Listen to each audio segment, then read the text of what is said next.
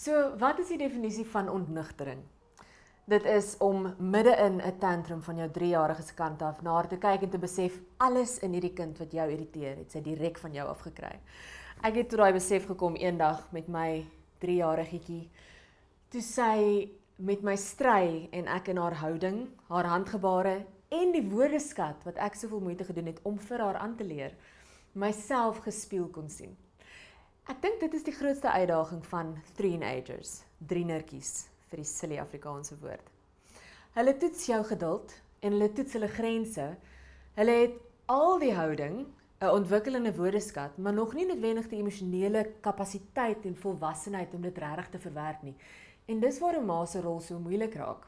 Ewe skielik moet jy na die wêreld probeer kyk deur jou nuwe jou kind se nuwe oë. Dis 'n nuwe vars perspektief. Dit beteken ook daar's soveel nuwe geleenthede vir jou om die beste weergawe van jouself ter wille van haar te probeer wees. As jy jouself toelaat, is dit 'n interessante rit op die wipbaantjie.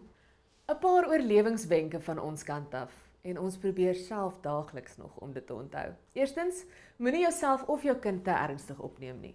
As sy vir jou sê jy is nie meer haar beste mamma nie, werklike woorde wat eendag uit my Sofia se mond uitgekom het, onthou dat sy dit nie bedoel het nie. Onthou dat sy haar frustrasies en haar emosies probeer oordra sonder dat sy werklik weet hoe om dit nog te kan kommunikeer.